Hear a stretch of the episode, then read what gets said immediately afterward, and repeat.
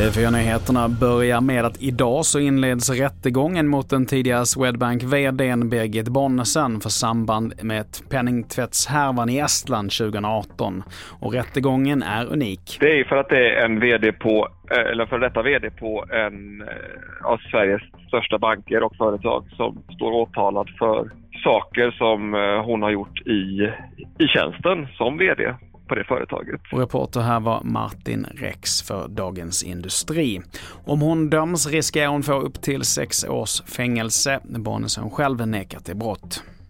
Och vidare till Iran där den spända situationen fortsätter och på gatorna i Teheran så patrullerar nu polisstyrkor iklädda uniformer samtidigt som Sharif-universitetet nu övergått till distansundervisning. Irans högsta ledare ayatollah Ali Khamenei skyller situationen på USA och Israel. Och hittills har minst 130 personer dödats i oroligheterna som utbröt sedan Masa Amini misshandlades i ett häkte för att hon bar sin sjal på fel sätt. Och till sist, varje år så gör Försäkringskassan felaktiga utbetalningar på över en miljard svenska kronor, det rapporterar Ekot. 20% av dessa beror på att handläggare gör fel, till exempel missat ändrat inkomst eller helt enkelt räknat fel. Fler nyheter hittar du på tv4.se. Jag heter Mattias Nordgren.